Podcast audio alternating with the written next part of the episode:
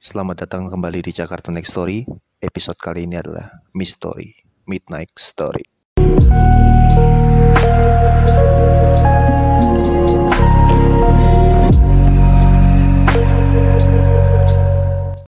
Kali ini hanya ditemani gua Hanung sendirian karena pada dasarnya Jakarta Next Story sedang vakum untuk beberapa waktu yang belum bisa ditentukan karena member-member dari Jakarta Next Story memiliki kesibukan masing-masing. Salah satunya adalah gua yang sekarang harus stay di luar kota, tepatnya di luar Jakarta untuk meneruskan kuliah dan juga mendapatkan pekerjaan di luar Jakarta.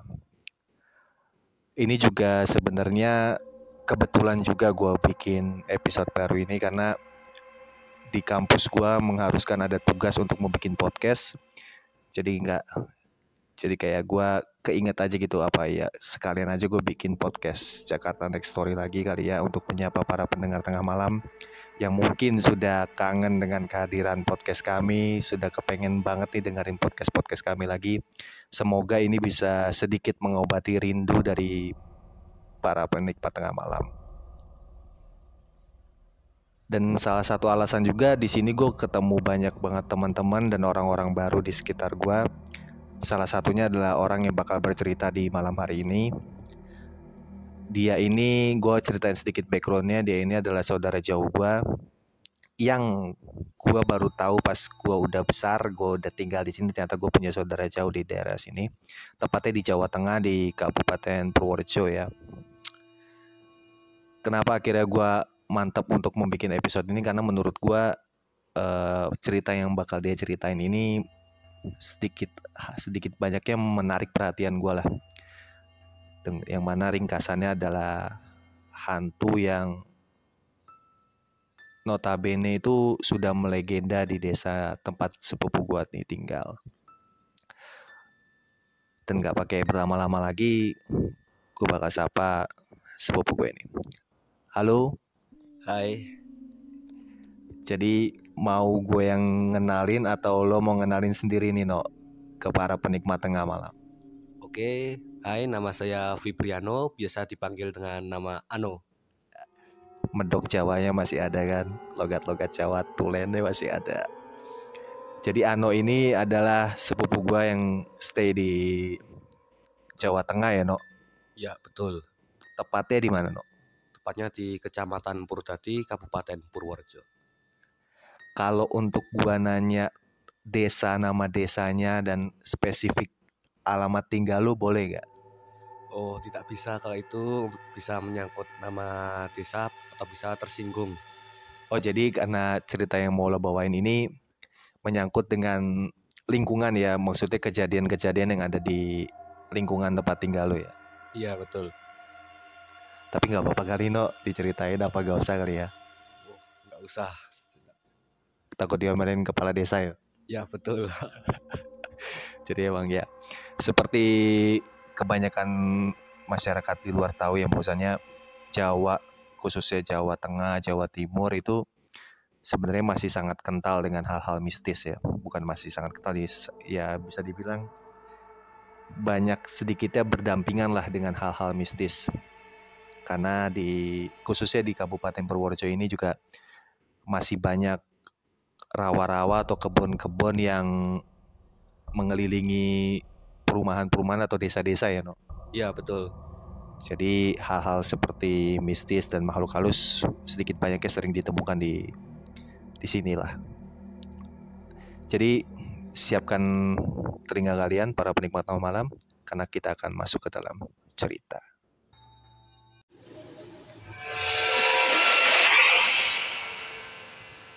Kejadian ini terjadi pada tahun lalu waktu bulan puasa. Waktu itu aku sama teman-teman biasa bangunin orang-orang sahur di pedesaan. Dan waktu itu kita jalan-jalan ngelilingi desa dan melewati sebuah perkebunan kelapa. Jadi kejadian ini saat bulan puasa dan lo dengan teman-teman lo itu membangunkan orang-orang sahur untuk bangun sahur gitu lebih tepatnya ya. Oh iya. Itu gue mau nanya sedikit kalau di desa itu metode untuk bangunin sahurnya gimana no? Kalau di desa saya itu biasanya menggunakan kaleng bekas, dipukul-pukul lalu teriak-teriak begitu saja sih. Itu biasanya kalau lagi bangunin tuh ada nggak salah satu warga atau gimana yang ngomel gitu bosnya berisik lo gitu. Ada sih salah satunya ada. Soalnya kan di tempat gua di apa di Bekasi juga ada lah tapi nggak setiap hari. Kalau di sini setiap hari nggak sih kalau di desa lo tuh bangunin itu? Iya, setiap hari. Nah kalau di tempat gua dulu tuh nggak setiap hari dan masih ada juga yang yang ngomel bahwasanya keberisikan atau segala macam karena biasanya kan ada yang apa sahurnya jam 4 atau mepet-mepet imsak gitu kan mungkin dia kesel gitu kan dibangunin lebih awal gitu nih di tempat lu juga ada tuh Iya, begitu. oke oke lanjut lanjut Waktu itu kita enam orang bangunin sahur biasa keliling-keliling desa dan pas banget ngelilingi sebuah perkebunan kelapa.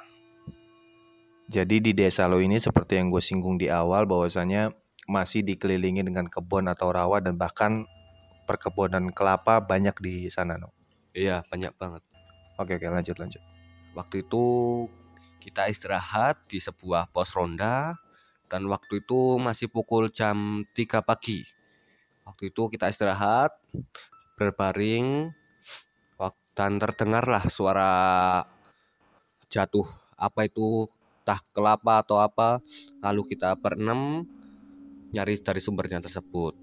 Dan kami itu pada nggak mau teman-teman saya kita nggak mau ngecek pada takut lalu saya dan teman satu lagi saya memberanikan diri untuk mencari sumber tersebut. Lalu saya carilah tuh di semak-semak di bawah-bawah pohon kelapa dan ternyata itu sebuah kepala. Ternyata kepala. Yang benar no jangan ngarang. Jadi lu dengar suara sesuatu benda yang jatuh di perkebunan kelapa itu saat lo beristirahat dan ternyata saat lo ngecek itu ternyata kepala bukan kelapa. Iya waktu itu aku lihat tuh kepala. Karena kan kelapa sama kepala nih beda-beda tipis nih penyebutannya. Takutnya lu tipe ngomongnya atau gimana tapi ini bener yang lu pastikan lu lihat ini bukan kelapa melainkan kepala utuh. Iya bener. Ini kepala utuh sama sekali. Oh shit. Bisa lu bisa lu gambarkan nggak eh, fisik kepala itu kayak gimana? Waktu itu saya melihat sendiri dengan mata saya. Waktu itu kepalanya tuh tidak ada bola matanya sama sekali dan mukanya tuh bercucuran darah serta rambutnya itu panjang. lu nggak takut pas ngelihat itu no Sama sekali yo. Agak takut saya. sama sekali agak takut kalau gue jadi lu sih pasti gue jadiin bola maksudnya kalau gue jadi lu gue pasti kabur sih itu kepala itu nggak ada bola matanya no Oh, oh, nggak ada bola ke matanya sama sekali. dan bercucuran darah dan rambutnya panjang Iya, betul. oke oke terus dengan respon lu saat ngelihat itu apa pasti kan kaget banget tuh terus terus Ya, waktu itu saya responnya kaget, saya mengucap kata-kata astagfirullah gitu. Terus teman saya suruh saya kabur, ayo kabur, ayo kabur. Terus saya langsung kabur dan kembali ke rumah-rumah masing-masing. Dan esokan paginya Eh, sorry sorry sorry gue potong jadi saat lu ngelihat berarti lu langsung kabur dan teman-teman lu pun nggak belum lu kasih tahu berarti saat itu ya belum. berarti lu kabur pas ngelihat lu kabur sama teman lu satu ini teman-teman lu jadi ikutan kabur aja gitu ya Iya. oke oke terus keesokan harinya gimana tadi mau lu cerita apa Keesokan harinya aku kena sial banget nih. Habis ketemu kayak gituan toh waktu malam hari. Waktu itu pagi jam tujuan kalau nggak salah sih. Aku toh di depan rumah biasa nyari angin-angin biasa. Aku tuh tiba-tiba kejatuhan kelapa kecil lah. Jadi lu semalam kejat apa dengar ada suara jatuh di kebun kelapa yang ternyata lu lihat kepala dan besok paginya lu kena sial kejatuhan kelapa kecil. Iya betul. Kelapa kecil tuh maksudnya kelapa yang gimana kan kalau setahu gue sih kelapa kan gede-gede tuh. Nah, kalau kejatuhan yang kelapa yang gede-gede kan bisa mungkin bisa pingsan ya. Ini kelapa yang kecil tuh gimana sih maksudnya? Kelapa kecil ya ukurannya itulah sebelum menjadi kelapa yang besar itulah. Oh, oke oke oke. Terus terus terus. Bang, waktu itu emang saya kejatuhan kelapa kecil dan saya merasa kesakitan terus saya jatuh sakit. Lu kejatuhan kelapa tapi jatuh sakit. Maksudnya gimana gimana, no? Waktu itu emang kepala saya agak sakit habis kejatuhan gitu terus saya ngerasa hal aneh yaitu badan saya tiba-tiba sakit. Uh, oke oke, terus terus. Terus saya dibawa pergi ke klinik terdekat dan ternyata saya sakit. Bentar ini menurut gue masih janggal sih maksudnya. Memang kejadian-kejadian yang berhubungan dengan makhluk halus dengan hal-hal mistis memang kalau dipakai akal dan logika kadang memang gak ketemu ya no maksudnya selalu berseberangan lah. Ada hal-hal yang tidak bisa dijelaskan oleh logika. Tapi jadi gue lu nemuin kepala semalam dan akhirnya besok paginya lu ketiba sial lu ketiban kelapa kecil terus lu ngerasa sakit dan badan lu meriang lalu lu dibawa ke puskesmas Iya. Betul. nah setelah dari puskesmas ternyata dokter ngomong atau perawat di sana ngomong bahwasanya lu sakit tipes Ya, waktu itu dokter itu bilang kalau saya itu terkena tipes. Oke, lanjut lanjut terus apa yang terjadi Nah, waktu itu aku tuh cerita tuh sama ibuku. Jadi lu cerita sama ibu lu setelah lu pulang dari puskesmas bahwasanya lu sakit tipes Iya, betul. cerita apa yang lu ceritakan ke ibu lu Waktu itu saya cerita bahwa semalam saya ketemu dengan sosok kepala di perkebunan kelapa. Dan ibu saya itu menceritakan kembali bahwasannya emang hantu kepala itu sudah melegenda desaku. oh jadi lu akhirnya menceritakan kejadian yang lu apa lu timpa lu terima di malam itu dengan melihat kepala itu ke nyokap lu Iya, betul. dan respon nyokap lo adalah menerangkan bahwasanya hantu kepala ini udah menjadi cerita yang melegenda yang ada di desa tempat lo tinggal. Iya, Jadi berarti bukan sesuatu hal yang baru ya hantu kepala ini di desa-desa lo, tapi memang lo dan teman-teman lo baru tahu banget itu pas malam kejadian itu. iya baru tahu banget. Oke, terus apa lagi yang nyokap lo ceritain?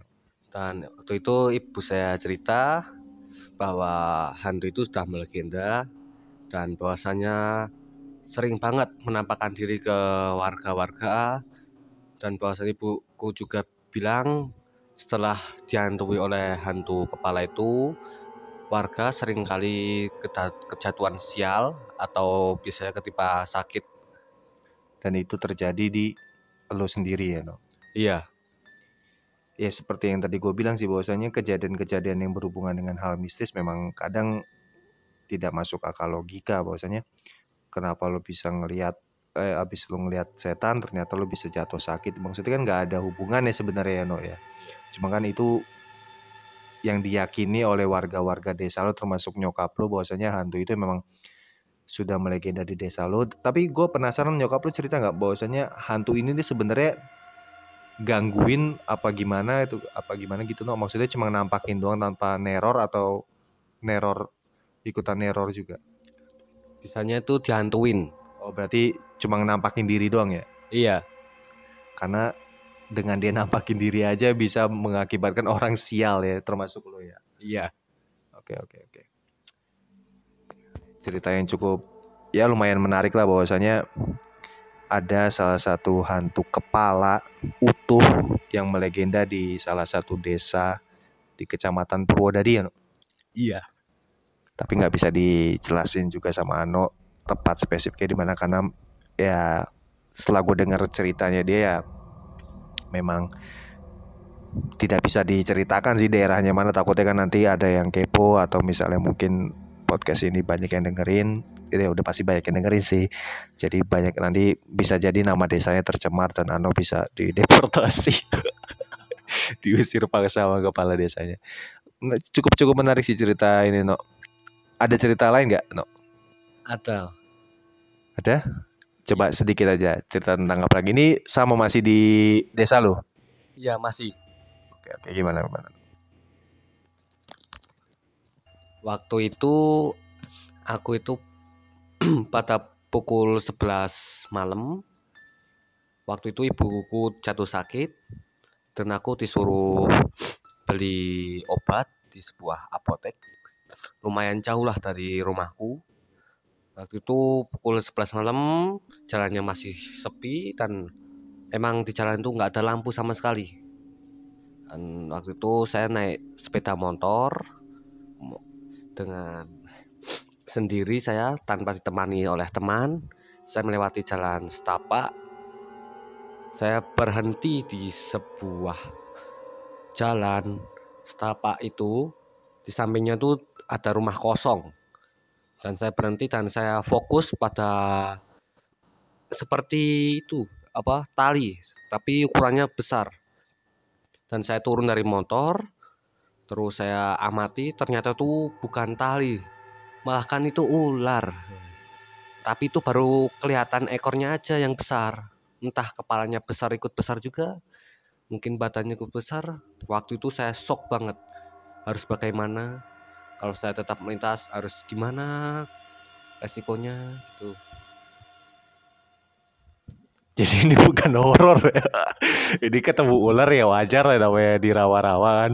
Tapi ya menakutkan juga sih ketemu ular gede dibanding ketemu setan kayaknya gue lebih memilih ketemu ya kalau dikasih kedua pilihan ya maksudnya ketemu setan apa ketemu ular gue lebih baik ketemu setan sih daripada ular gede gitu kan tapi ini ceritanya berarti bukan horor emang kan emang ya serem aja gitu ketemu ular ya. Iya serem. Tapi memang kayaknya selama gue di sini juga ini fun fact juga sih bahwasannya kalau di Jakarta di kota di kota Jakarta di Bekasi itu kan kalau misalnya pagi itu berangkat ke mana gitu kan kita pasti sering menjumpai tikus-tikus yang kelindes lah di jalan atau segala macam itu sesuatu hal yang biasa lah di Jakarta atau di Bekasi dan lain sebagainya Depok sekitarnya. Nah kalau di sini nih selama gue di sini tuh sering kali gue bukan ketemu tikus yang kelindes tapi ular. Jadi tuh tiap pagi tuh pasti ada ya nggak tiap pagi juga tapi sering lah pasti ada ular yang kelindes di tengah jalan raya itu ya bukan sesuatu hal yang baru ya no kalau di sini ya no. iya tak terbiasa di sini karena kan memang apa kebanyakan di sini masih dikelilingi oleh kebun sama rawa-rawa ya. Iya betul. Tapi lu sendiri berarti takut gak sama ular no? Wah ya takut banget jelas. Oh, gua gue pikir dengan lu berdampingan dengan hal seperti ini maksudnya dengan kebun-kebun itu tidak menjadikan lu takut sama ular ternyata sama aja ya. Jadi itu tadi cerita dari Mas Fibriano yang biasa dipanggil Ano. Cukup menarik ceritanya. Eh, gua ringkas sedikit lagi, gua ringkas sedikit bahwasanya dia ketemu hantu kepala di perkebunan kelapa, you know. Iya, betul. Jadi hantu itu ternyata sudah melegenda di desanya Ano, sudah menjadi apa omongan-omongan yang sudah diketahui oleh masyarakat di desanya lah bahwasanya hantu ini memang sering sekali menampakkan dan akibat dari hantu itu menampakkan ke seseorang itu seseorang yang melihat bisa tertimpa sial seperti halnya Ano yang akhirnya terkena tipes eh, keesokan harinya setelah melihat hantu tersebut. Kembali lagi ya percaya tidak percaya sih dengan hal-hal seperti ini. saya kembalikan kepada para penikmat tengah malam percaya atau tidak percayanya karena memang hal-hal seperti ini di luar nalar manusia sih hal-hal yang berdampingan dengan makhluk gaib seperti ini. Terima kasih Mas Ano sudah mau menyempatkan diri dan membantu gua nih untuk mengerjakan tugas sekaligus menyapa kembali para penikmat tengah malam di podcast Jakarta Next Story. Thank you banget ya No ya. Ya, siap sama-sama Mas. Dan untuk para penikmat tengah malam nanti kalau misalnya memang respon dari episode ini bagus dan lumayan banyak yang dengerin, mungkin bakal menjadi trigger buat member-member CNS lainnya yang ada di tempatnya masing-masing dengan kesibukannya masing-masing untuk mungkin satu-satu gitu nge-podcast sama temennya atau siapa yang punya pengalaman pribadi bisa langsung DM ke Jakarta Next Story. Mungkin nanti bisa gua atau member-member yang lainnya seperti Ziko, Sang Subur, Dasyat, Galih, Agam bisa ya berkoordinir lah. Mungkin bisa masing-masing bisa podcast dengan narasumbernya masing-masing jadi podcast ini masih bisa tetap jalan, tapi tidak, gue juga tidak bisa memberikan harapan lebih lah. Bahwasanya kan ya kembali lagi yang seperti gue bilang di awal, bahwasanya kami semua memiliki kesibukan masing-masing yang mengakibatkan memang podcast Jakarta Next Story harus vakum. Dan ini memang kebetulan waktunya tepat aja sih. Gue ada tugas kuliah yang mengharuskan bikin podcast. Dan kenapa enggak untuk menyapa para penikmat tengah malam lagi. Semoga dengan adanya episode ini para penikmat penikmat tengah malam bisa terobati rasa rindunya dan semoga bisa men-trigger kami lagi para member Jakarta Next Story untuk kembali mungkin kembali membuat podcast podcast episode lainnya dan semoga nilai gue di mata kuliah ini bisa bagus dengan tugas yang gue buat kali ini. Sekian dari gue, Hanung. Thank you.